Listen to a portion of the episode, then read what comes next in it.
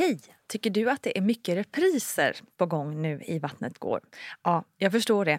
Det beror helt enkelt på att jag, Nina Campioni, just nu har en pop-up second hand i Modgallerian i Stockholm. Så min tid räcker helt enkelt inte tid att göra så många avsnitt som jag hade önskat. Men tills jag är tillbaka på full tid, kom gärna och hälsa på mig i Modgallerian. Vi ses! Hiring for your small business? If you're not looking for professionals on LinkedIn, you're looking in the wrong place. That's like looking for your car keys in a fish tank. LinkedIn helps you hire professionals you can't find anywhere else, even those who aren't actively searching for a new job but might be open to the perfect role. In a given month, over 70% of LinkedIn users don't even visit other leading job sites. So start looking in the right place. With LinkedIn, you can hire professionals like a professional. Post your free job on linkedin.com slash achieve today. Hey, it's Ryan Reynolds, and I'm here with Keith, co-star of my upcoming film, If, only in theaters May 17th. Do you want to tell people the big news? All right, I'll do it. Sign up now and you'll get unlimited for $15 a month in six months of Paramount Plus Essential Plan on us. Mintmobile.com slash switch. Upfront payment of $45 equivalent to $15 per month. Unlimited over 40 gigabytes per month. Face lower speeds. Videos at 480p. Active Mint customers by 531.24 get six months of Paramount Plus Essential Plan. Auto renews after six months. Offer ends May 31st, 2024. Separate Paramount Plus registration required. Terms and conditions apply if rated PG. Imagine the softest sheets you've ever felt. Now imagine them getting even softer over time. That's what you'll feel with Bowl and Branch's organic cotton sheets. In a recent customer survey, 96% replied that Bowl and Branch sheets get softer with every wash. Start getting your best night's sleep in these sheets that get softer and softer for years to come. Try their sheets with a 30-night guarantee. Plus, get 15% off your first order at bowlandbranch.com. Code BUTTERY. Exclusions apply. See site for details. Hold up. What was that? Boring. No flavor. That was as bad as those leftovers you ate all week. Kiki Palmer here, and it's time to say hello to something fresh and guilt-free. Hello Fresh. Jazz up dinner with pecan-crusted chicken or garlic butter shrimp scampi. Now that's music to my mouth. Hello Fresh. Let's get this dinner party started. Discover all the delicious possibilities at hellofresh.com. Hej kära Vattnet går-vänner och varmt välkomna till den här lilla nyårsspecialen som jag vill kalla för Bäst av Vattnet går. En liten uppesittarpodd helt enkelt så här på självaste nyårsafton. Så häll upp ett glas bubbel, och det funkar ju med alkoholfritt, det vet vi alla. Och ta dig en liten stund för dig själv så lyssnar vi på lite spännande historier från världen av graviditet och förlossningar helt enkelt. Jag har letat i arkivet och hittat både roliga, ledsamma, känslosamma och spännande berättelser som vi nu ska få njuta av tillsammans. Är du redo med bubblet? Okej, då kör vi en skål!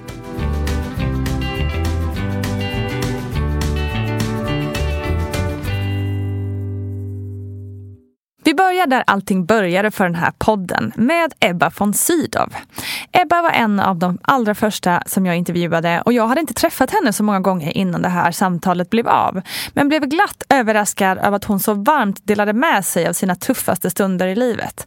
Om du vill lyssna på hela det här avsnittet så kikar du in under avsnitt nummer ett. Ja, men smärtstillande tänkte jag ju förstås det där klassiska att här, epidural, hur svårt kan det vara?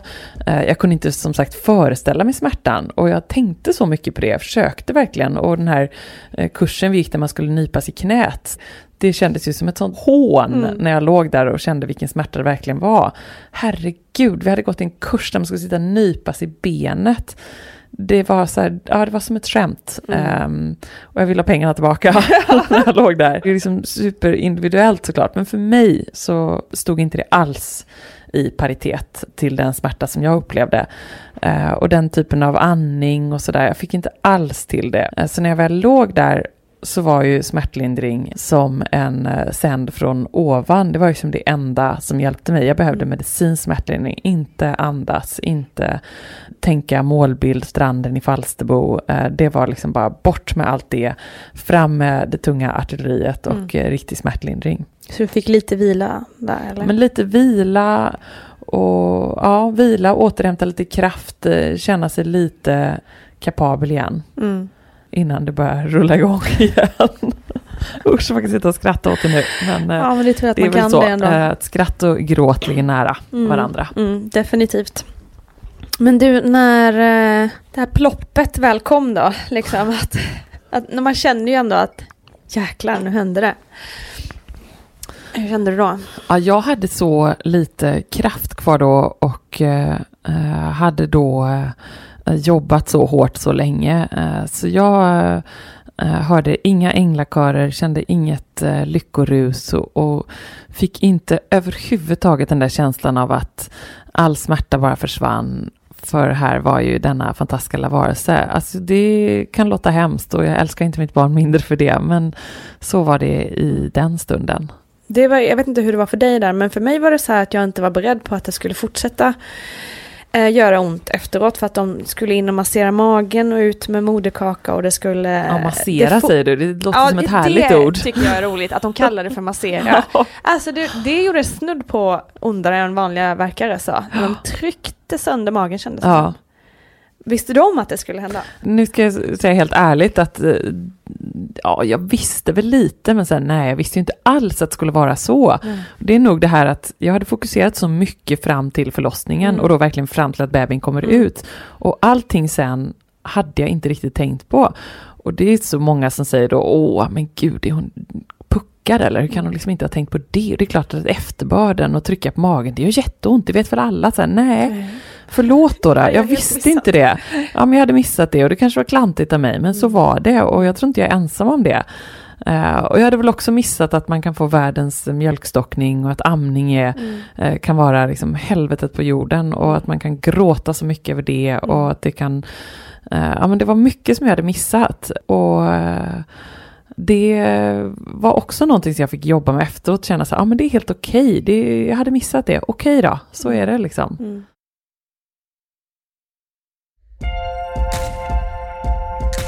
Nej du Ebba, du är varken puckad eller ensam i det här och nu är vi väl alla ett gäng Vattnet går-personer som har koll på läget och att det inte är 100% enkelt efter barnet har kommit ut. För det är ju lite så att det är då det riktiga jobbet kommer när bebisen väl är född. Man kanske inte tror det när man precis blivit med barn och man stapplar omkring och med illamående och foglossning och allt. Men det är rätt tufft även efter förlossningen. Och är man beredd på det så kanske man mentalt kan förbereda sig på det åtminstone lite, lite grann. Vi hoppar raskt vidare till ett annat favoritavsnitt och det är med kvinnorättskämpen och skribenten Cissi Wallin. En kvinna med starkt mod, rättspatos och som är helt obrydd kring att prata om ja, precis vad som helst. Och här någonstans upptäckte jag också poddens stora mening. Nämligen det att Vattnet går skulle vara en plats för kvinnor att prata om precis allt som rör våra kroppar och barnafödande. Ingenting är konstigt, fel, äckligt eller skavigt eller skämmigt. Allt ska upp till ytan. Vi ska inte skämmas mer. Så tack kära Sissi för den extra pushen.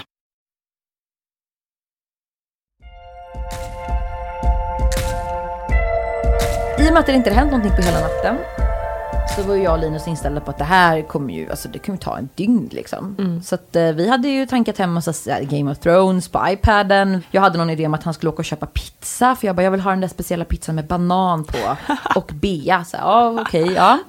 Så fanns någon pizzeria där som hade liksom det. Jag ska hinna duscha, hinna tvätta hår. Fråga mig inte varför jag skulle göra det, men jag hade några så ritualer i huvudet. Det här ska hinnas med liksom. Så de gav mig epiduralen som sagt. Jag låg där och hade det lite gött i kanske två, tre timmar.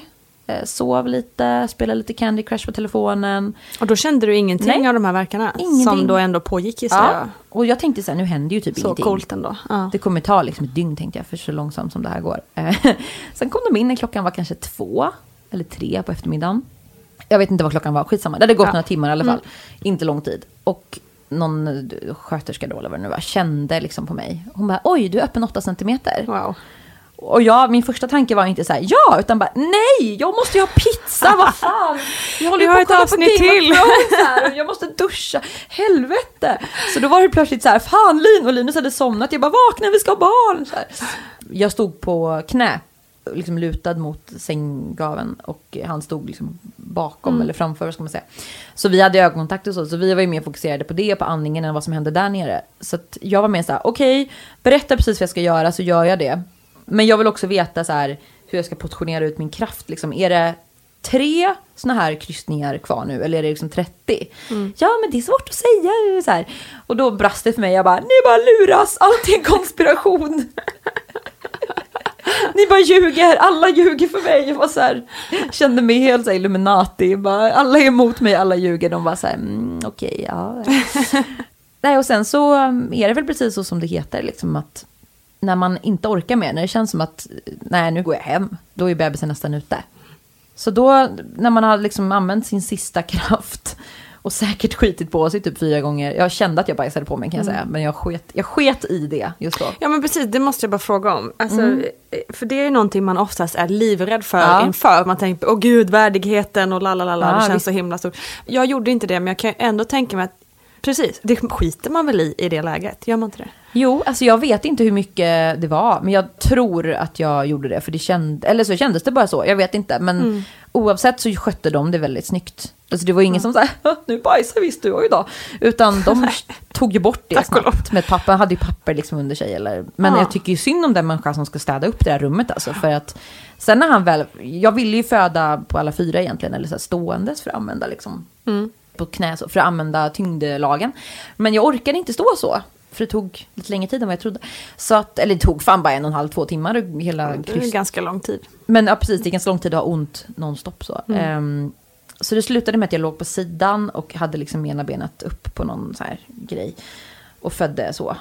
Och när han kom då så flög, när huvudet väl var ute och skulle, liksom, kroppen skulle komma sen på sista krystet där, så flög han ju ut som en liten säl. Mm. Här, och bakom honom så låg det ju massa vatten. Ja. Så det var ju som så här när han kom, de bara nu kommer bebisen. Och då hade man ju så här sett framför sig hur liksom det skulle vara ganska så här plupp, varsågod. Utan det- det var inte liksom plupp, det var fluff. Så då hade jag och Linus bara så här, åh herregud, det kom alltså typ. Det kändes som att det var 10 liter blod, vatten, slem. Alltså de fick fånga ungen i farten, annars hade han liksom glidit ner på golvet. Så jag tänkte... Värsta sliden. Ja, och i den situationen det var ju så här logiskt. Det första jag tänkte, lite hemskt att berätta, men det var inte så här, åh vi har fått ett barn. Det var så här, oj vem ska städa upp allt det här? Omtänksamt av det. ja, för jag, fick, jag skämdes, jag bara shit vad jag har grisat ner här nu, vad pinsamt. Men det försvann ju så fort eh, man hörde, liksom, det var ju några sekunder sen så hörde man skriket och så fick jag honom på bröstet. Och det var ju det enda jag, eller det framförallt det jag minns, för jag var lite groggig och allting var väldigt upp och ner då. Det som jag minns starkast var att han var så varm. Att det blev den här extremt, eh, vad ska vi säga, mysiga känslan av att få en liten varm klump liksom. Och att det var så här, det var en person. Det var visst någon där inne. Japp, barnafödande är inte alltid vackert direkt. Eller jo, det är rätt så jäkla vackert oavsett. Lyssna på hela Cissi Wallins historia i avsnitt nummer 6. En av mina absolut favoritavsnitt är med journalisten och skribenten Malin Wollin. En kvinna som jag faktiskt gått i skola tillsammans med. Idag skriver hon böcker, texter och underhållande blogginlägg och vi är dessutom frilanskollegor på Aftonbladet.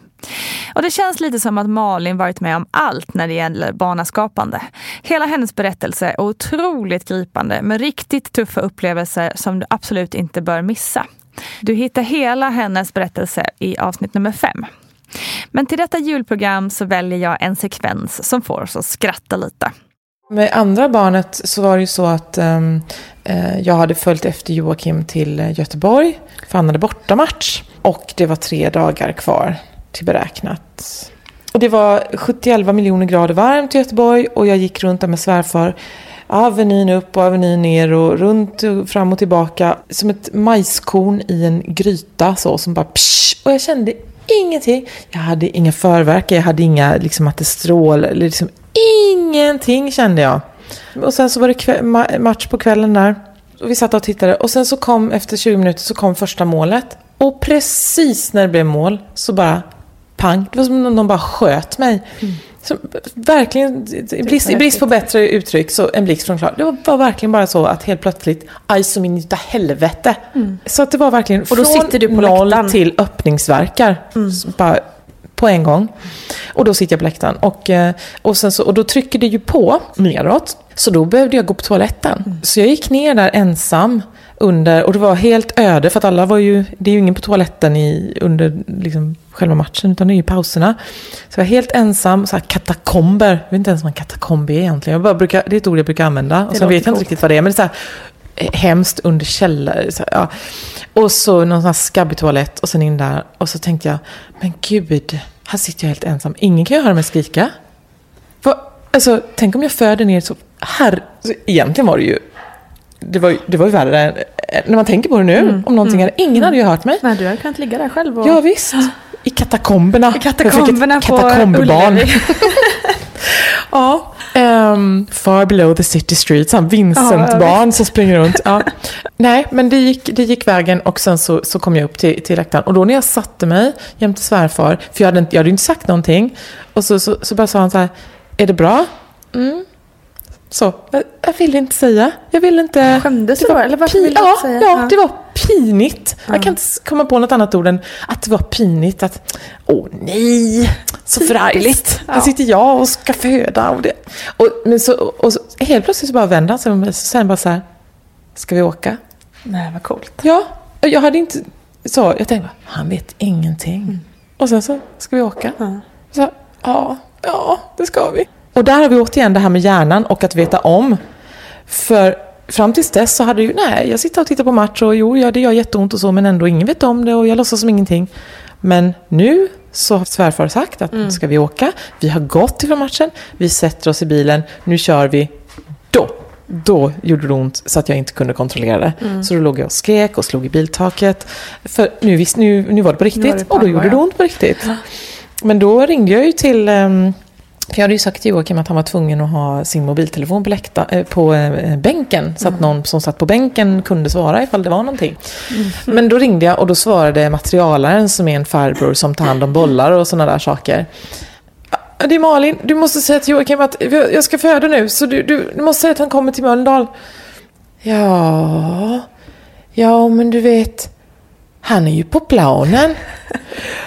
Ja men det vet jag väl för i helvete! Vi får. Fan. Tröga människor. Åh, det vet, vet jag ju. Ja, det var så fruktansvärt komiskt så i efterhand. Men just då så kände jag bara att jag ville åka dit och slita ut hans hjärna. för att den inte fungerade. Men ehm, ja, och, då, och sen så, så la jag på då. Liksom, tryggt förvissad om att nu skulle Joakim bli tillsagd. Det blev han ju inte. Han blev inte det. För att de hade ju gjort alla sina byten. Alla sina tre byten. Aj, aj. Så att då tyckte de att nej, det kan vi inte göra. Så de väntade tills matchen var slut. Och då när, de, när, när eh, laget går ju fram då till, bo- Till ditresta fans, precis. Och, och gör vågen och tack tack för att ni kom och sådär. Och när de står där så springer lagledaren Ola eh, ut på planen och fram till Joakim och säger Malin är på sjukhus. Då, då trodde ju Joakim att det var ett skämt givetvis. Eh, men det var det inte. Så då fick han springa eh, i sitt matchställ, svettig, så här, jord och gräskockor över hela facet och kroppen och bara rakt ut i en taxi. Eh, och kom till sjukhuset och sen så, jag tror att hon kom 20 minuter efter han hade kommit. Vilken jäkla tur att han har fram alltså. Mm. Nu kan man ju sitta så här, Skratta Aha, det här var en det." kul story. Ja. Hade han inte hunnit och missat hennes födelse, jag har bränt ner hela FFs, hela, hela Fredriksskans, jag tänt eld på det.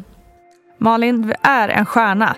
Lyssna mer till hennes berättelse. Hon har ju ändå fem barn så det finns en del att berätta om. Lyssna in avsnitt nummer fem. Ett annat program som jag gråtit stora tårar till är avsnitt nummer 27 med Erika Strand Berglund. Erika och hennes man kämpade länge, länge, länge med IVF och det är många gånger både du och jag tror att det inte ska bli något. Men så. det var så tungt och så fruktansvärt. Och jag minns att jag vaknade på natten och hade panik. För att jag drömde att jag hade förlorat allt hopp. Och hoppet var det sista jag hade. Har man förlorat hoppet, då har man ingenting. Då, kan, då ger man upp. Då finns det ingenting. Och eh, jag hade jättesvårt att ta mig ur det där. Jag var verkligen fruktansvärt ledsen. Och jag pratade med min läkare där på Danderyd och han sa så här, men Erika, du måste förstå en sak. Att du kommer att bli mamma. Det är bara att det kommer att ta lite tid. Frågan är inte om, utan frågan är när. Och jag förstod inte hur han kunde säga så, för att det var ju så uppenbart att jag inte lyckades. Då hade det ju, nu har det gått, det hade det gått flera år som jag hade hållit på. Eh, men okej, han ingöt väl någon slags hopp då kanske ändå. Han ingöt hopp till min man också. Så vi bestämde oss för att vi kör väl en gång till då. Men den här gången med alltså, verkligen ingen entusiasm. Som vi åkte iväg, hämtade ut mediciner, tog sprutor, gick och gjorde ultraljud. Jag kan liksom se det om jag tittar tillbaka i mina kalendrar. Att runt det första, den första äggstimuleringen och äggplocket så finns det mycket anteckningar. Men här, det är liksom ingenting. Det är som att ingenting har hänt. För att jag, jag hade problem att känna att det här skulle vara lönt. Eh, Men vi gjorde den där eh, andra äggstimuleringen och vi åkte tillbaka till sjukhuset och var med om samma saker. Och jag var inte riktigt lika uppfylld av varken medicinerna som satte mig på någon slags high förra gången och att vara med om allting. Jag hade ju gjort allting och de ropade ägg och jag kände att ja, det är ju så det går till när man är här. Och vi ses om några dagar och så ska vi göra, ska vi göra en insättning om det är någonting som har, om det är några som har blivit befruktade. Eh, Och jag vet faktiskt inte hur många ägg det var som blev befruktade för jag har inte skrivit ner det någonstans. För att jag var som, jag brydde mig liksom inte längre. Eh, eller jag brydde mig ju jättemycket men jag orkade inte. Det var kanske också någon slags strategi. Okej, nu har jag försökt att vara superentusiastisk så nu provar jag att inte vara det. Utan försöka bara ta mig igenom det här. Ja, men att orka liksom uppbringa någon form av entusiasm och hopp i i ett sånt läge, det, Nej, det är svårt. ja, det måste ju vara det. Eh, och då var det också igen, skulle vi få föra tillbaka två eller inte? och då kände jag också, får vi inte föra tillbaka två, då är det, det är inte lönt att vi gör det här. Och jag vet inte riktigt vad han gjorde, han min läkare eh, på Danderyds sjukhus. För att det här går ju liksom emot alla regler, vad man får göra och inte. Men kliniken gick med på att göra det en gång till. Den läkaren som gjorde det, jag hann ju träffa alla läkare som finns känns det som. Men ehm, hon gjorde det under protest också, vilket kändes sådär. Sådär kan man ju säga. Man ligger där i en gynstol och så bara, jaha, två minsann. Ja. Ja, jättekonstigt. Men det, kände, det var så passande för allting. Det var bara, det är klart att det ska vara så här. Det är typ inte kul. Det finns ingenting som är bra med det här. Det är bara blä. Och eh, den dagen, det var, en, det var på en lördag vi gjorde det här. Så att det var ju också så speciellt för att ingenting var öppet. Sjukhuset var ju, alltså, det är klart att ett sjukhus har ju alltid öppet men de flesta avdelningarna har ju stängt för det är helg. Så att det var en liten galge som hängde i dörren för att, inte, för att vi skulle kunna ta oss in. Och vi kom in och det var liksom nedsläckt och så satt hon där och muttrade om två. så vi gjorde det där och när vi åkte när vi åkte hem så åkte vi, då hade vi, köpt, vi hade köpt ett landställe precis innan där. För vi behövde få kanalisera all vår energi till något positivt. Så vi hade köpt ett landställe för att, men, att skaka om någonting på något sätt.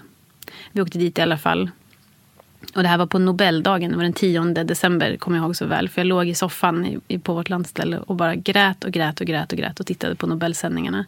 Eh, och då var det Året innan hade den man som kom på tekniken för IVF hade fått pris för det. Så jag satt och liksom, jag, jag låg och bad böner att låt det vara ett tecken. Låt det här få vara ett tecken. Men jag hade ju problem med hoppet. Alltså att det var, fanns ett svagt hopp där någonstans. Nej, jag var djupt, djupt olycklig där. Och sen då, några veckor senare, så visade det sig att jag var gravid igen. Och eh, var jag ens glad? Jag vet inte. För att det var, nej, jag var nog mest bara ångestladdad. Vad betyder det här? Kommer det här att funka? Någonstans hade jag, jag hade satt något slags hopp till att okej, det skulle kunna vara så att det kan funka den här gången. För nu är det fräscha ägg. De har inte varit i någon frys och vänt. Så det var nog det jag hade satt hoppet till. Så det fanns någonting där som var hoppfullt. In, trots att jag visste att det spelar ju absolut ingen roll. Och sen så visade det sig då att vi var gravida. Och efter att det hade gått de där veckorna så det brukar så var jag fortfarande gravid. Och jag pratade med min läkare och alltså jag hade så mycket ångest. Jag var så rädd hela tiden. Och han sa, men nu får vi bara hoppas på att det här fortsätter att gå bra. Eh, och så kommer jag inte riktigt ihåg i vilken vecka det är. Man får göra ett väldigt tidigt ultraljud i alla fall. Och då gjorde vi det. Och då sa han, jaha, här ser jag en och här ser jag en till. Så båda två hade fest. Och eh, ja, men vi var ju så glada, men också så fruktansvärt rädda. För det var hela tiden, nu har vi passerat den här veckan, nu har vi passerat den här veckan, här har vi haft missfall, här har vi haft missfall, här har vi haft missfall, här hade vi utomkvedshavandeskapet. Och sen den här förhatliga vecka 12 också, som man ju bara väntar på att den ska komma. Så vi, ja, men vi bara härdade ut på något sätt.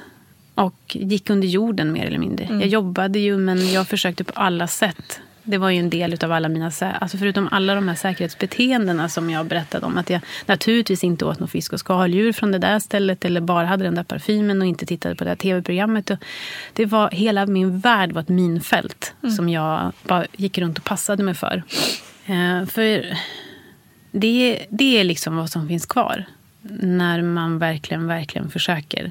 Det är att bli ja, men lite galen kanske. Och försöka kontrollera det som inte går att kontrollera. Men sen så passerade vi vecka 12. Och då kändes det som att okej, nu kan vi väl andas ut lite grann. För vi är fortfarande gravida. Och då började jag berätta att det var så. Och det var en sån kärleksstorm som drabbade oss. För att vi hade lyckats bli gravida och att vi skulle bli föräldrar och inte tänka sig något bättre.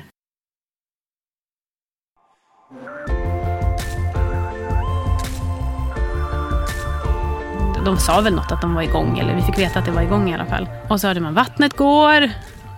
Och så ett slurpljud, för då suger de väl upp det då på något sätt. Och sen så bara, tvilling ett är ute. Det är en pojke. Och eh, ja, så sa de klockslaget. Och sen så kom, fick, la de min son på mitt bröst. Och... Eh, nej, men det var helt otroligt. Oh, samtidigt som jag också var så här, det finns en till där. Är den okej? Det var liksom huvudfokus. Jag hade eh, min son på bröstet och så bara, men vart är den andra? Varför säger de inte att den andra finns där? Men då sa de, vattnet går. Tvilling två, en flicka. Och så sa de klockslaget. Och så hade vi våra två barn där. Och det var ju, herregud. Vilken lycka. Och helt omtumlande. Och vi bara grät och grät och grät och grät och grät. Som jag gör nu. Och jag. Eh, nej, men det var ju helt fantastiskt att vi var liksom framme. Sen så eh, är det ju en operation man genomgår. Så att när jag kunde ju inte vara med på någonting. Ulf var med om lite hit och dit och var med på vägning. Och, men det blir ju också väldigt speciellt när det är två. För båda två Ja, ska tas om hand. Så att han var lite ibland med tjejen och ibland med killen. Och så tillbaka till mig och runt där som någon humla i rummet. Men sen så var det också fint för att när, eh, när jag sen var sydd, de var kvar med mig hela tiden medan jag syddes. Och sen så eh, fick vi tillsammans åka, eller var de med när jag syddes? Jag tror det i alla fall, men det är mycket möjligt att jag minns fel här. Men vi var i alla fall tillsammans på det som kallas för uppvaket. Trots att jag var vaken så, så fick de vara med. fick de vara med när bedövningen skulle gå ur kroppen. Och ja, herregud, så var de där. Min Ni lilla fixade tjej. det, Ja, liksom. vi gjorde det. Och sen så... Ja, vi låg på BB i en vecka för att jag, jag var ju så trasig. Eh, hela min kropp var ju totalt förfall. Och det var ju väldigt chockartat att hamna i det där också. Att nu är du mamma så nu klarar du det själv. Det. Och jag hade ju varit så enormt uppburen. Jag träffade ju läkare flera gånger i veckan och jag gjorde ultraljud minst en gång i veckan. Så att jag gick från att varit ja, men väldigt, väldigt, väldigt uppburen och väldigt, väldigt sedd av vården till att klara mig själv. Och det var ju jättetungt. Så det är som att jag fick aldrig bli glad, det känns som när jag berättar det här. Jag är väldigt glad nu, vill jag säga. Och jag har varit väldigt glad väldigt länge, men det var väldigt tufft. Även den första tiden var fruktansvärt jobbig.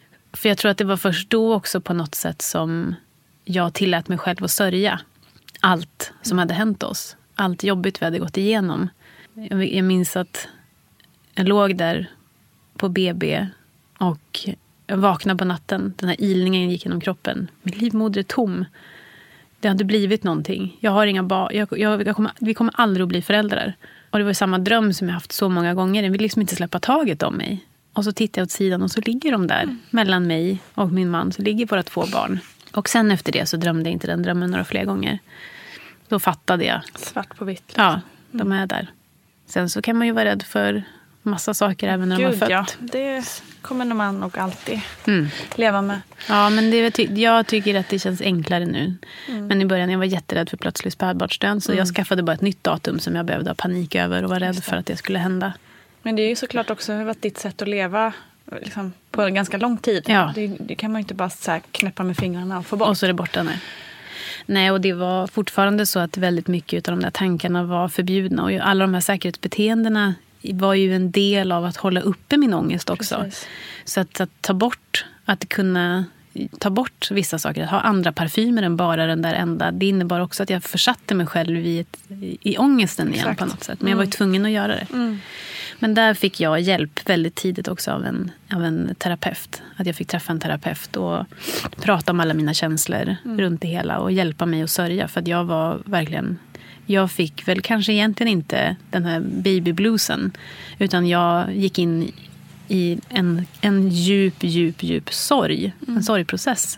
Att eh, bearbeta allting som jag hade varit med om. Och att tillåta mig själv att tro på att det här var sant. Att jag hade fått bli mamma. Och, Och nu när du ser tillbaka på alla åren, all ångest, all oro. Mm. Är det någonting som sticker ut extra mycket? Liksom? Någon känsla eller någon... Nej, det som är väldigt fint att se, eller liksom märkligt på sitt sätt också, det är att om jag tittar tillbaka på alla de här åren och jag ser allt vi har gjort och allt som har hänt så kan jag ju se att det är det var allt jag behövde göra. Det var alla offringar, uppoffringar jag behövde göra för att jag skulle få Olof och Greta. Och då var det värt det. Jag skulle ju inte vilja att någon någonsin behöver hamna i det här. Men om det är det man behöver göra för att få det man vill. Det här fantastiska, den här fantastiska lilla tjejen som jag har. Och den fantastiska lilla killen. Det spelar ingen roll. Det var värt det. Och det var vad jag behövde göra för att jag skulle få dem.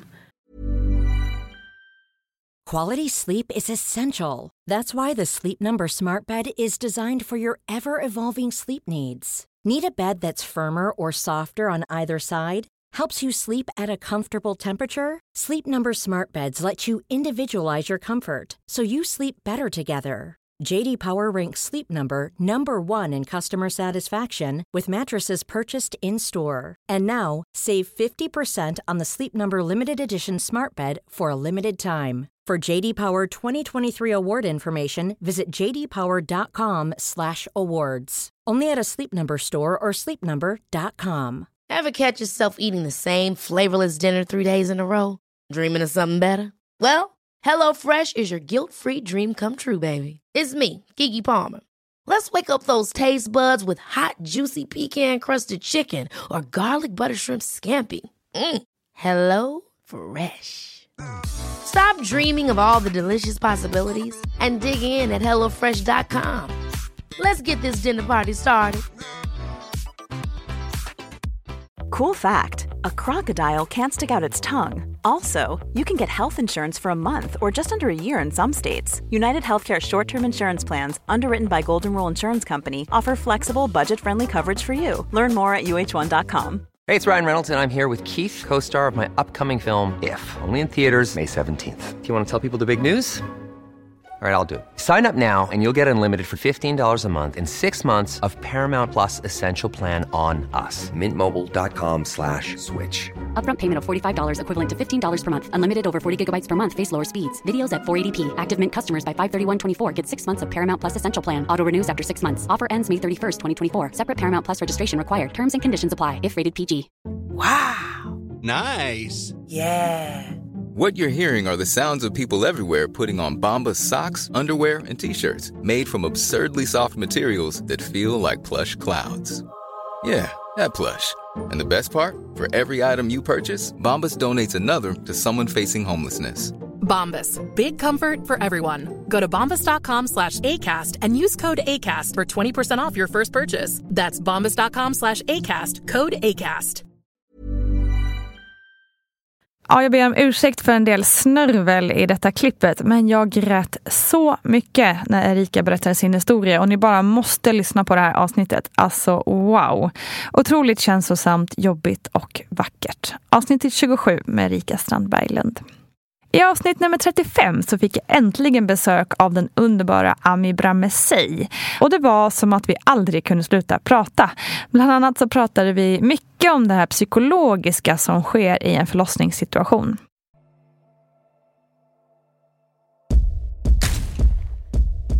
Och sen så s- sa de att nu har du hållit på så himla länge.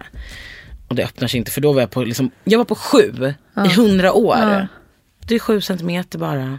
Och den här jättekonstiga grejen med självbilden att jag trodde att jag skulle vara starkare. Mm, Men man, man, alltså jag vill verkligen ändå säga det för att man är stark. Man är ju stark hur det än blir. Så är man ju jättestark. Ja. Man gör ju någonting helt nytt och det är en väldigt överväldigande situation. Ja. Men jag ty- började, då tyckte inte jag det var något kul längre. Liksom. Och hela det här med att jag, så här, jag kunde inte käka någonting, jag kände mig så svag. Och att det är så många olika som ska undersöka Mm. en och man har varit där så länge då. Liksom. Så då när de började prata om snitt, vilket jag faktiskt aldrig ens hade tänkt på. Men det kan ju, det kan ju, man, det kan ju bli snitt av många olika anledningar. Mm. Men jag hade i all den här förberedelsen aldrig tänkt på att jag skulle göra ett kejsarsnitt. Så då vart jag, det var, det, det var jobbigt. Då Mm. var det jobbigt. Då var jag jätteledsen. Och sen ringde mamma och bara... Då bröt jag liksom ihop för jag hade kämpat så mycket för att vara för att hålla ihop det och inte så här, ge in för mycket i tankarna av vad jag faktiskt höll på med. Att jag är i en förlossning och att det är väldigt läskigt på många sätt. Liksom. Mm. Men att jag ville vara så här, jag ska inte tycka det är jobbigt och läskigt utan jag ska bara göra det. Så då, vart jag, då vart, fick jag en riktig turn liksom, på mitt humör. Och också att jag var så här, jag ville så gärna jag ville så gärna. Mm, men de, och att, då kände jag att de tog makten över mig. Och jag har, jag har svårt för det i alla skeden i livet. att känna att någon annan bestämmer över mig. Mm. Så då vart jag bara väldigt ledsen och arg typ. Och kände mig typ lurad. Mm. Men ni ska inte komma och snitta mig. Jag ska föda mitt barn. Eh, men då fick de liksom, då, då, då skulle de göra ett test och så sa de så här, nu tar vi bort den värkstimulerande droppen. Du ska få vila. Nu ska du sova i två timmar. Och sen så ska du, vi ger dig ytterligare typ en timme. Och så ska vi se om vi kan sätta igång droppen igen. För att så här, kicka igång din kropp typ. Och då vart jag bara så här, jaha, ska jag ligga här i tre timmar till? Alltså Ja. jag trodde ju typ att jag skulle vara, jag var hemma Färdig nu. för länge sedan. Exakt. Men så gjorde de så. Eh, så då, så mirakulöst så sov jag ju faktiskt. Typ säkert i två timmar med den här konstiga frossan och vad det nu var. Och, och även min pojkvän, bara, han, de hade ju en liten säng där. Ja. Så då fick han också sova. För han hade ju varit så jäkla aktiv. Alltså, han var, jag hade inte föreställt mig innan att han skulle kunnat vara ett sånt enormt, så betydande för mig. Alltså på riktigt, jag tror att han gjorde också så att det här med att gå in i sin kropp, alltså att låta huvudet sjunka ner till magen Mm. och att det var, det var magen som styrde. Alltså det var, det var den, liksom den här delen av min kropp, alltså mitt bäcken. Det var mitt bäcken som styrde hela Ami. Liksom. Mm. Jag tror jag lyckades med den. Och han var hela min, min hjärna. Alltså i allt annat. Det här med att jag spydde, det var han som fick fixa. Han fixade allt. Alltså jag, jag var helt, jag tror att jag blundade i så här, tio timmar typ. Jag bara var helt inne i min, i mig själv. Ehm, så han fick också sova, vilket jag tror var skönt. Mm. Och sen så körde de igång igen. Alltså hela det här. De testade att sätta igång. För då sa de så här, vi testar det här nu annars blir det snitt. Och jag var ganska fokuserad på att det ska inte bli något snitt. Alltså i mitt huvud. De pratade men jag var så här, de vet inte att det kommer inte alls bli något snitt. För att jag, jag, vill, jag hade någon tanke om Mm. kejsarsnitt, jag vet inte. Och då så satte de igång verkstimulerande dropp igen på en väldigt hög nivå. Ja. Och så kom liksom ett gäng barnmorskor in. De bytte ju skift hela tiden. Då kom sista gänget och de var väldigt så här. Alla var ju ganska olika stilar. Och de var så här, nu kör vi. Och det var ju på alla Mm. hjärtans dag. Just så, det. Ja, så de var så här, du ska föda nu innan tolv. Innan midnatt så ska bebisen vara ute för att det ska bli en Valentine's baby. Alltså det spelar ingen roll men vi hade Ja, men, det som ja. så här. Men coolt också för det känns lite som att de kanske fattar att du behövde den coachingen i det läget eftersom du kanske hade Mm. tappat lite av din egen liksom, styrka i huvudet. Liksom. Verkligen. Sista gänget som kom in var bara väldigt peppade. Alltså de var så här, nu gör vi upp en plan för hur det här ska gå till. Du ska upp på benen, för då hade jag ju legat som sagt Mm. och bara "Åh", varit och svävat runt i någon smärtbubbla typ. Och de var så här, du ska upp på benen, du ska träna, vi ska göra utfall.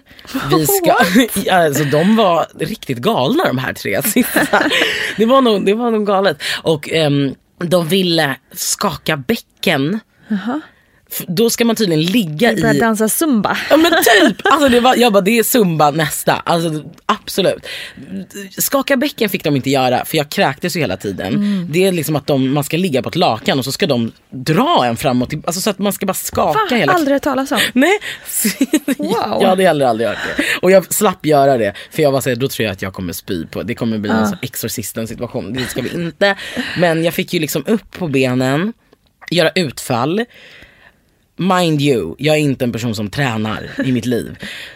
Utfall är liksom inget jag sysslar med någonsin. Men helt plötsligt, jaha, efter så här 14 timmar på sjukan så ska man göra utfall. Men vi gjorde de där utfallen. Otroligt. Alltså det var helt, det var galet faktiskt. Och de var väldigt peppande. De hade en annan stil. De var så här, nu kör du Ami, heja. Och jag bara, okej, okej. Och, och att de lite var så här, för annars blir det snitt. Och de hade fattat att jag ville inte. Det. Så de var lite så här eh, hotfulla. Nej det var de inte. Men, ehm, och så fick jag sitta på den här lilla pallen som ser ut som en hästsko. Mm. Och liksom, de visade hur man krystar.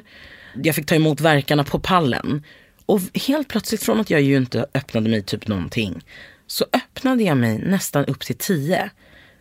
Alltså på, vad kan det ha varit? En halvtimme. Oj. Det bara hände. Du har fått jättemycket verkar då. Ja. Alltså under den tiden. Ja, det var väldigt intensivt. Fast epiduralen höll ju for- så man kände det ju Mm. men man kände, alltså det var ändå, det var väldigt konstigt alltihopa. Um, och att de sa så här, de sa så här, de bara, och, och om inte det här funkar nu så ska vi hämta in en kvinna vars namn jag inte minns. Men det var liksom en äldre barnmorska som de hade där på Danderyd. Som de sa så här, hon har vikingakrafter. Hon kan lirka ur barn ur vem som helst sa de. Wow. Jag bara okej, absolut, vad ni än gör, alltså vad som helst nu. Ehm, så jag höll ju på med de här utfallen och hoppade upp och ner på den här pallen och jag vet inte vad de höll på med. Och peppade. Och så fick jag, sen fick jag ligga lite igen på i den här lite klassiska Mm. föda barn-posen. Och då eh, var jag fortfarande i, jag var ju, man är ju ganska borta i huvudet. Och då hämtade de den här äldre kvinnan. Äldre, men hon var lite äldre än dem. Hon hade liksom vitt hår, eller ljust hår. Ja, jag kommer inte ihåg. Men hon, alltså, Kanske bara var blond. hon var blond men jag bara hon hade vitt. Alltså, Hon vet var du? en shaman. Ja, men jag minns henne som Ja. en häxa. Ja. Alltså jag minns henne som, Kal- som Khaleesi. Alltså du vet Khaleesi, Ja. Dragons Queen. Ja.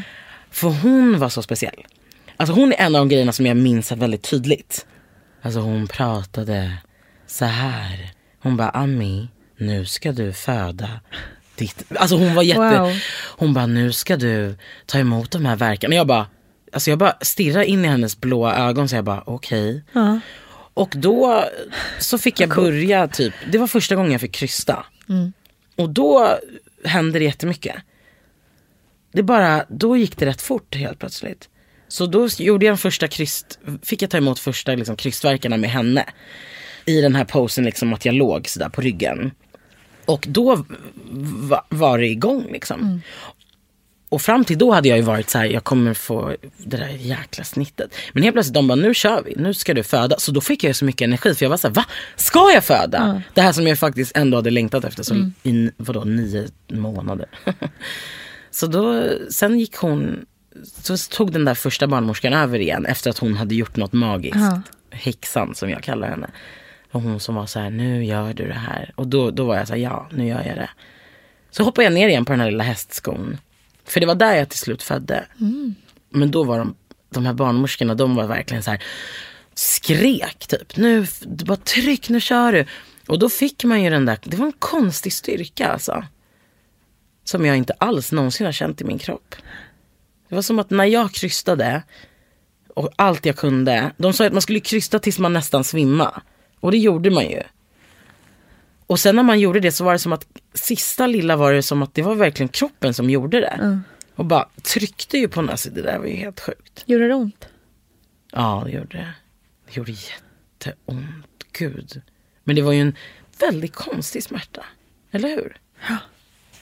Jag tyckte den krystverkarna och det där. Any day mot de här Mm. latensfasen. Mm. Och 15 timmar på sjukhuset och vanka runt. Och liksom sätta in epidural. Alltså allt det där andra var jobbig smärta. Det här var åtminstone så här det, jag tror att det, var, det var det där man hade sett fram emot Mm. ändå. Eller hur? Ja, jag håller helt med. En helt annan smärta. Ja, och det kanske inte är så konstigt då att man i det kan känna styrka. Mm, exakt. Faktiskt, för det innan så kände jag mig som ett offer för någonting. Mm. Och jag kände mig, men som jag sa, som en patient och jag kände mig svag. Och jag kände liksom inte så mycket igen mig själv. Men i det här kände jag så här, det här jag kan det här av någon Mm. anledning. Jag, och man hade ju blivit peppad innan.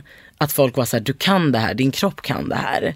Och när man låg där och bara låg och låg och hade slangar hit och dit. Då kände jag så här, jag kan inte alls det här. Men när jag fick krysta då kände jag så här, jo, jag kan visst. Jag är jättestark. Och det var verkligen, det var nice. Fast det var vidrigt. det var ju vidrigt. Ah! Men ända in i sista krystet. Och jag tror faktiskt att så här, hade jag behövt krysta en gång till. Hade jag typ inte, hade jag, jag vet, alltså jag undrar så hade jag orkat det? Ja, det hade du. Det hade jag Såklart. va? Men jag trodde inte det då. Nej, men det gör man ju inte. Nej. Men man bara åh! Och så till slut när de sa så här. För först sa de så här, vill du känna? Jag tror, eller hur? Jag får oftast, alltså, jag tror inte vi har haft någon i det här programmet som har suttit på pallen och fött. Men vad jag har förstått så är det enklare i den positionen att faktiskt känna och så. För, exakt, för man sitter så ihoptryckt. Man är ju väldigt nära liksom. För min kille satt liksom bakom mig på en stol Ja. och höll i mig under mina armar liksom. Och jag satt ju där och de sa vill du känna? Men jag var så här nej nej nej. nej. För det var så overkligt. Man fattar ju inte förrän barnet är där att Nej. det ska, alltså det var ju. Så jag var så här nej nej nej nej.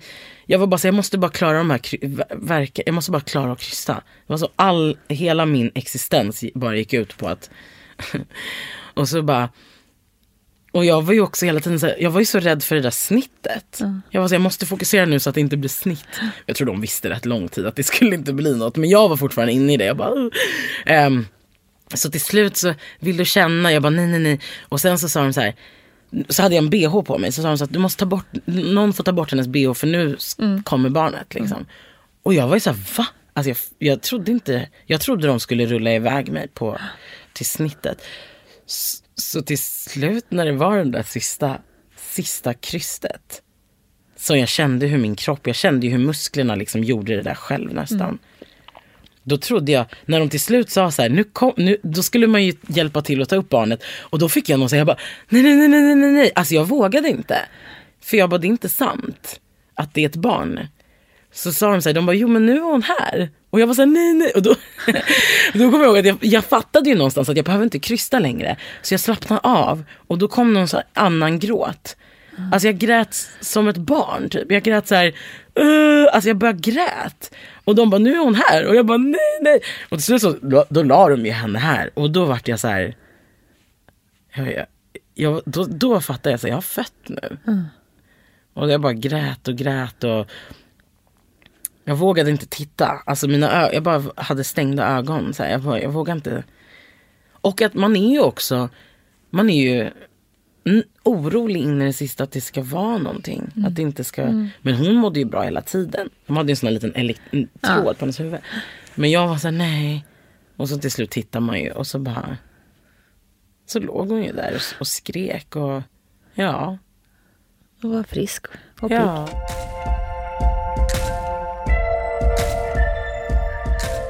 Ja, psyket får ju vara med om en hel del under en förlossning och det är banne mig helt otroligt vad vi klarar av alltså. Underbara kvinnor, ni är alla magiska. Ja, Ami Bramesei som vi hörde innan var ju inte alls speciellt sugen på snitt, men snitt är något som vi verkligen går in på djupet med tillsammans med Vanja Wikström. Vanja som har blivit lite av en urban crusader när det gäller kejsarsnitt och verkligen kämpar på och peppar kvinnor som inte vill gå igenom en vaginal förlossning.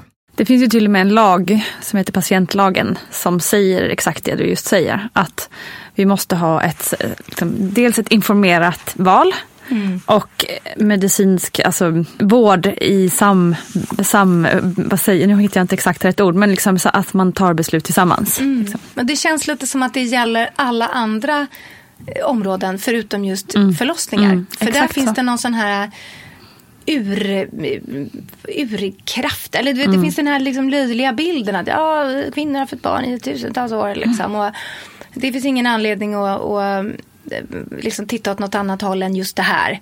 Och det blir ju liksom det blir problematiskt. Mm. Blir det. det är synd att det ska vara så. Jag är en av de som kämpar för att det inte ska behöva vara så. Sen förstår jag att man inte kan ha det, det, tyckte jag tidigare innan jag var riktigt lika insatt som jag är nu. Då, då tyckte jag att det borde vara en juridisk rätt att, Mm. att kräva kejsarsnitt. Mm. Men sen, sen dess har jag liksom pratat med väldigt mycket läkare, barnmorskor och forskare och så vidare. Och jag vet att det går inte därför att det finns risker. Om du tillhör vissa grupper, är du till exempel kraftigt överviktig så kan det vara direkt farligt att genomgå ett planerat kejsarsnitt. Då kan en vaginal förlossning vara eh, alltså ett 100% bättre alternativ. Hur stark förlossningsrädsla du än har. Och är det så att det blir fara för moderns liv så är det klart att det inte är ett bra alternativ. Så att du kan inte liksom få en ruta längst ner på din patientjournal där du säger ja tack kejsarsnitt, kluck. Men däremot så måste det verkligen vara ett samtal Mm. tycker jag. Precis. Och givetvis ska man på vägen få möjlighet att liksom ompröva sina tankar. Jag fick ju också gå på Aurora-samtal Mm. och prata om min förlossningsrädsla. Och det tycker jag är jättevettigt. För att det finns ju de som vänder och känner liksom att de blir peppade och de vill föda vaginalt och så gör de det och så går det jättebra. Och så är Mm. jätteglada att de valde den vägen. Så att det är klart att det ska finnas eh, stöttning. Mm. Men det måste också finnas förståelse och stöttning för oss som vill gå åt andra hållet. Absolut. Hur har du blivit bemött av eh, människor runt omkring dig rent personligen? Jag tänker både, Mm. både kanske bloggläsare men också liksom, ja, men familj, vänner och så. Ja, men jag minns en gång när jag satt i ett rum fullt med gravida kvinnor. Det var en liten sån här gravidfika, skulle man kunna säga. Och det var när jag var gravid med Iggy, första barnet då. Och eh, alla pratade om liksom vi pratade om förlossningar. Mm. Lite sådär som man gör. Och det här var kvinnor jag inte kände 100%. Det var ett sammanhang man hade blivit lite ihop tussad med de här. Mm. Lite för att det man hade gemensamt för att man var gravid. Och så satt vi där och fikade, drack kaffe, käkade bulle och snackade förlossningar. Och så kom liksom turen till mig då när jag skulle säga någonting härligt om hur jag tänkte. Och du vet, de hade pratat om att föda i vatten Mm. och det var det ena med det tredje. Och då kände jag så bara, "Ugh, ska jag orka liksom, ska, ska jag orka säga det här nu? Så, ja, nej men nu får jag stå upp för så som jag känner. Så då sa jag att ja, nej men jag vill ju föda med planerat kejsarsnitt. Ja, men, ja, men jag bara kände hur så stämningen dog. Och det var lite som, du vet, man är, man är på fest och man frågar liksom bordskan, ja vad sysslar du med då? Så här, ja, jag är gynekolog.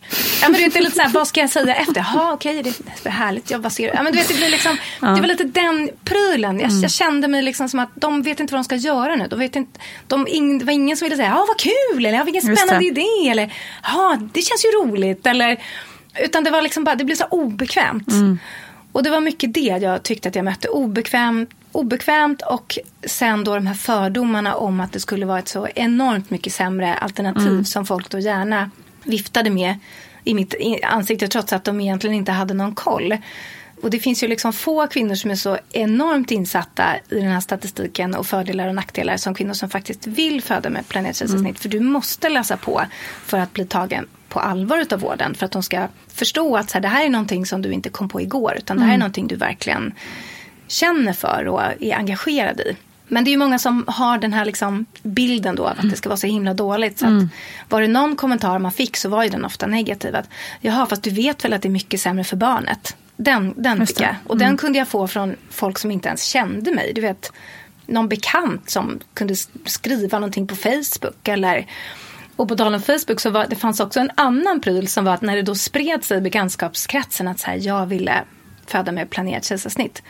Då började jag få så här, eh, meddelanden på Facebook från folk, andra bekantas bekanta Men, som jag inte kände. Och lyssna här då, men som skrev Tack Vanja för att du vågar säga det här rakt ut. Jag har fött med kejsarsnitt. Jag har aldrig vågat säga det till någon. Men gud. Och du vet, Ja, ledsamt. Ja, det är så ledsamt. Och jag själv bara, vad har, har den här tjejen fött med kejsarsnitt? Och var den här tjejen rädd? Mm.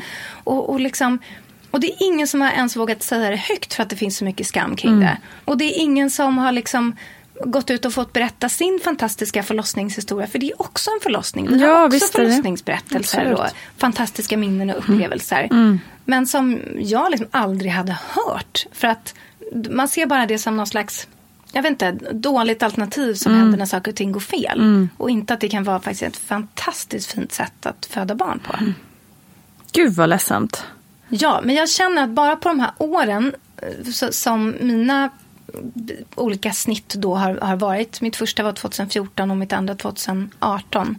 Så har det hänt väldigt mycket. Och jag känner Okej. att opinionen har ändå nyanserats. Mm. Och det är inte lika många som liksom automatiskt plockar fram kära och fjädrar när man liksom nämner ordet kejsarsnitt. Vilket är väldigt Mm. skönt. Det finns en mer eh, ja, men nyanserad bild Mm. nu tycker jag. Det finns en, finns en större förståelse. Och det tror jag är mycket tack vare att folk pratar öppet. Mm.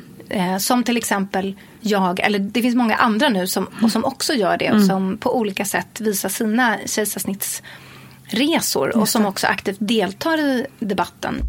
Ja, Vanja Wikström vet hur man ger svar på tal och vill du höra hela det avsnittet så är det nummer 59. Och där finns också väldigt många bra tips och förslag på hur du ska tackla det här med känslorna kring eh, planerat kejsarsnitt och hur man kanske får till det om man verkligen vill. Där ger Vanja också väldigt många bra tips och förslag till dig som funderar på det här med planerat kejsarsnitt. Nu över till en ganska nyligen inspelat avsnitt med influensen Michaela Forni. Och jag känner att den här berättelsen passar utmärkt att avsluta det här lilla best of avsnittet på. Och egentligen borde ju det här avsnittet innehålla exakt vartenda ett av alla avsnittet i den här poddhistorien. Men det hade ju tyvärr inte fått plats. Men jag tycker verkligen att varenda jäkla berättelse i den här poddserien är otroliga. Men Farney var väldigt intressant att lyssna på tycker jag. För hon var så väldigt på det klara med vad hon tyckte och tänkte om olika saker och hade otroligt genomtänkta svar. Eh, vilket imponerade på mig med hennes närvaro i stunden. Att kunna liksom analysera väldigt mycket på ett snabbt sätt. Dessutom hade hon en väldigt positiv upplevelse och därför får hennes historia avsluta detta sista avsnitt för året. Jag kände liksom sammandragningar, men som jag hade haft det i sex veckor innan. Ja, så var det ju så här, nej men jag var så van Ja. vid det. Så att när varje sammandragning kom och magen blev spänd och hård så var det bara så här, ja ja. Alltså det var liksom, ja men jag hade ju lärt mig leva med det så Mm. det var inte jobbigt. Men annars så tog epiduralen bort alla liksom de här kraftiga smärtorna.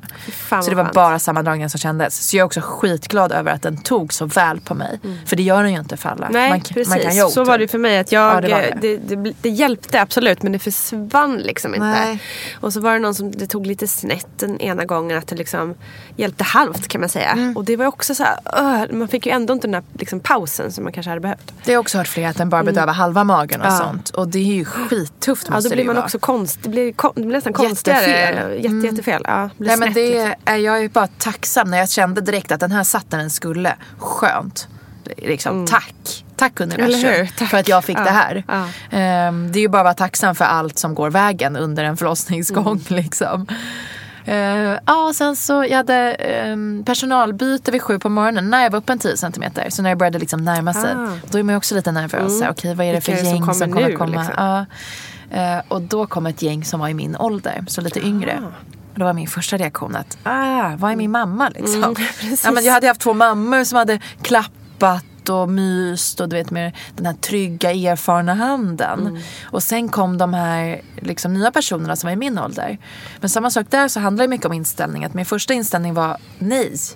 Och sen så kände jag in och så kände jag så här, men shit vilken energi de här kvinnorna kommer in i. De är hungriga, de är på tårna, de har sån jävla energi. De är så här, ja, barnet ska ut, nu kör vi, let's go. Liksom. Och det var helt fantastiskt när jag väl liksom vände om. Och jag hade också bett om en lättsam stämning i rummet i min journal. Så att de verkligen tog det tillvara och bara var så glada. Vi satt och snackade skit, vi drack kaffe, vi åt frukost. Alltså, det var hur härlig stämning som helst. Och sen så när det var dags att krysta så var det Ja men då kände jag ju tydligt att nu, det trycker ju neråt. Alltså det, där kände jag att okej, jag har epidural och den det här är någonting helt annat. Men då hade jag ju fått flera timmar att förbereda mig för det. Eh, så där kunde jag ju också bara så här, gå in i mig själv och säga nu måste jag hitta kraft här. Och ju mer jag fokuserar på att blicka inåt och hitta min inre styrka desto lättare och snabbare kommer det gå att få ut Dante. Så jag satte mig på förlossningspallen och så fick jag en krystverk och då testade jag liksom att krysta och då kände barnmorskan och sa att Nej, men så här ska du trycka liksom, och kände med sina fingrar. Men här, nu har du hittat rätt teknik. Och vilket bra samspel. Ja, jättebra. För jag var så jag bara, hur vet man hur man ska krysta? Mm. Okej, alla säger ja, men som att du ska bajsa men jag känner, det är ju inte där det kommer. Jag känner ju att det kommer från mellan ben. Så hur ska jag veta hur jag ska trycka? Mm. Och då sa hon att men jag stoppar in mina fingrar och så kan jag säga till när du hittar rätt. Hon bara, så testa och tryck lite. Då testade jag liksom lite olika så sa hon nu, fortsätt. Och så tryckte jag och hon bara, där. Så där ska du krysta. Det var jag jätte... Och det kan ju vara ett tips. Nu Precis, gjorde hon ju bara det. tips. Men det kan ju vara ett tips att kanske be sin barnmorska om det. Så här, Mm. Kan du hjälpa mig att försöka hitta rätt teknik? Så att man får den Verkligen. hjälpen. För jag tror att, att hon hjälpte mig med det så på en gång. Gjorde nog att det gick så smidigt sen med kryssningsarbetet. För att efter, totalt tog kryssningen 30 minuter. Och jag hade, den gick på sex krystverkar för jag hade fem minuter mellan mina verkar. Eh, så det var då den första det hittade rätt. På den andra så säger hon att gud vad långt hår han har. Och jag bara what? Och då får jag känna hans hår. Och då känner jag liksom hans hår Ja. mellan mina ben. Hur var det? Eh, en enorm känsla. Mm. Absolut en av de fram tills då mäktigaste känslorna jag upplevt. Och jag fick en sån otrolig adrenalinkick av det. Mm. Och där som du säger kände ett otroligt samspel med alla i rummet. Jag kände så här, nu gör vi det här hörni. Och jag kände mig ehm, jag vet att Kinsa sa i sin förlossningsvideo att när hon hade sin kryssningsverk så, eller kryssningsfas så kände hon så här, varför är ingen som hjälper mig? För att det gjorde ont och det var jobbigt. Och jag var så rädd att hamna i den situationen och det hade jag sagt till dem att jag vill inte, jag vill inte känna mig utlämnad. Och jag kände verkligen när vi höll på att vi är ett team här inne. Jag får allt stöd jag behöver. Och de var liksom så jäkla pepp peppiga och härliga och boostande. Och ja, men jag bara kände att vi var verkligen ett stort lag. Inte bara jag och Damon utan faktiskt alla Hela sex. gänget. Liksom. Otroligt Ja, det var helt fantastiskt. Och sen så efter tre veckor där så bytte jag till eh, sjukhussängen. Så liksom höjde de upp den så att man står på knäna och lutar sig. Mm. Och på den fjärde, femte verken så kom hans huvud. Och det var ju också så jävla coolt. Jag tyckte verkligen känslan när man känner att men gud det kommer ut ett huvud. Jag känner ett huvud tryckas ut ur min kropp. Det är en så mäktig känsla så att det går ju inte att jämföra med någonting annat. Och det gjorde så ont. Men jag kände liksom, ju mer jag ju mer jag tog i, desto mer kunde jag ju känna att han kom. Vilket gjorde att jag förstod att om jag bara fortsätter med det här fokuset och trycker så kommer han ju. Medan om jag liksom ja, men av, avvaktar eller slappnar av lite då kommer han ju inte. Då åker han ju tillbaka. Så jag, måste, liksom, jag hittade verkligen kraften i att känna hur han kom närmre. Och så kom huvudet och sen så hade jag ju då fem minuter me- mellan. Så jag hade ju hans huvud mellan mina ben i fem minuter och efter typ tre minuter började han skrika. Och det var ju det sjukaste. Och då står jag där och han börjar skrika och jag bara så här, har jag min bebis som skriker mellan mina ben? Alltså jag bara, Ah, det här är det i fem sjukaste. minuter, liksom. Och då får jag sånt adrenalin, alltså tårarna bara sprutar. Och det gör ju ont också. Ja, så att, såklart. alltså, då minns jag hur liksom känslan var. Jag tog där. ah, samtidigt som jag bara ah, Så var det liksom. För att det var så mycket känslor. Och sen så när liksom till slut när liksom nästa verk kom då ramlade han ju nästan ut. Eh, liksom själva kroppen. Och då var det bara så här. Ja men bara total avslappning. Adrenalin som är liksom helt enormt. Jag var så stolt över mig själv. Vilket jag hoppas att alla kvinnor känner när Mm. deras barn kommer ut. Verkligen. Och de känslorna var nästan först. Innan det här med så här, okej får jag se honom? Och det var nog också för att jag var så inne i min egna styrka och min egna liksom urkraft.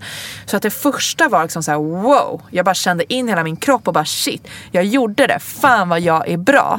Och jag hörde nästan ingen annan i rummet. Jag var helt inne i mig själv och bara så här, jag klarade det. Jag är så himla duktig. Jag förtjänar alla medaljer i världen. Bra jobbat. Liksom. Och sen var det så här, då säger barnmorskan så här, vill du ta, vill du ta upp honom? Och då var jag så här, bara, okej, eller är du med oss Mikaela? säger hon först. Är du med oss Mikaela? Och jag bara, ja jag är med. Hon bara, okej, vill du ta emot honom? Jag bara, ja. Och då liksom, uff, okej. Och så tog, tog jag upp honom och då var det så här, oh, wow. Och då var min första reaktion så här, fan vad gullig han är. Jag bara, bebisar brukar vara så fula när de kommer. Han är ju skitsöt. Vilket jag antar att alla, Alla mammor tänker. Så jag tror inte jag är jätteunik i den känslan.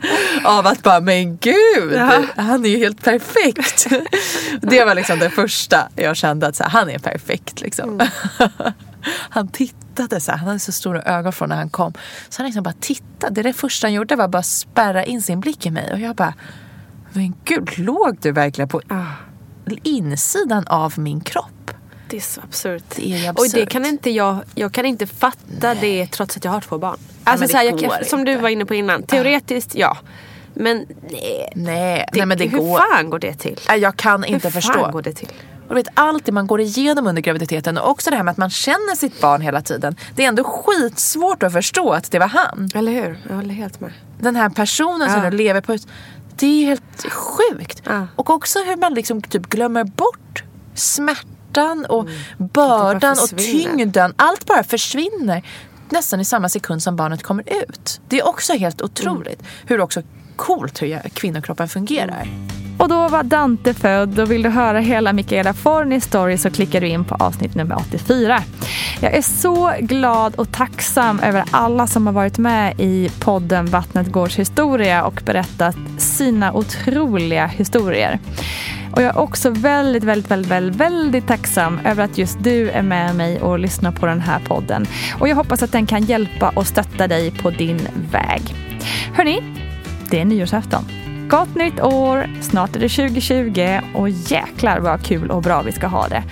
Var och en av er får nu jordens största nyårskram från mig. Happy New Year! Och om du lyssnar på det här efter 2020, ja, då är det bara vanliga januari. Hoppas allt är bra. Kram, hej!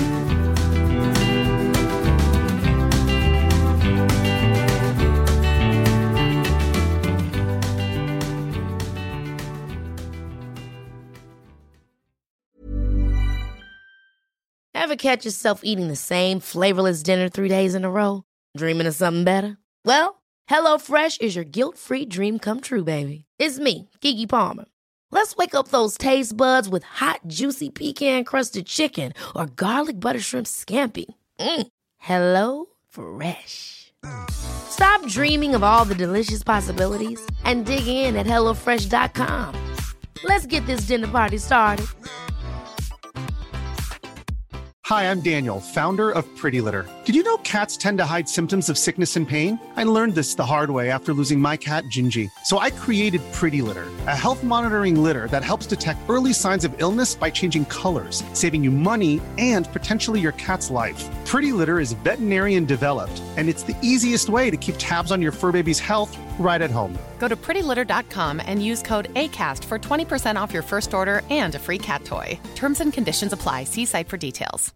Imagine the softest sheets you've ever felt. Now imagine them getting even softer over time. That's what you'll feel with Bowl and Branch's organic cotton sheets. In a recent customer survey, 96% replied that Bowl and Branch sheets get softer with every wash. Start getting your best night's sleep in these sheets that get softer and softer for years to come. Try their sheets with a 30-night guarantee. Plus, get 15% off your first order at bowlandbranch.com. Code BUTTERY. Exclusions apply. See site for details.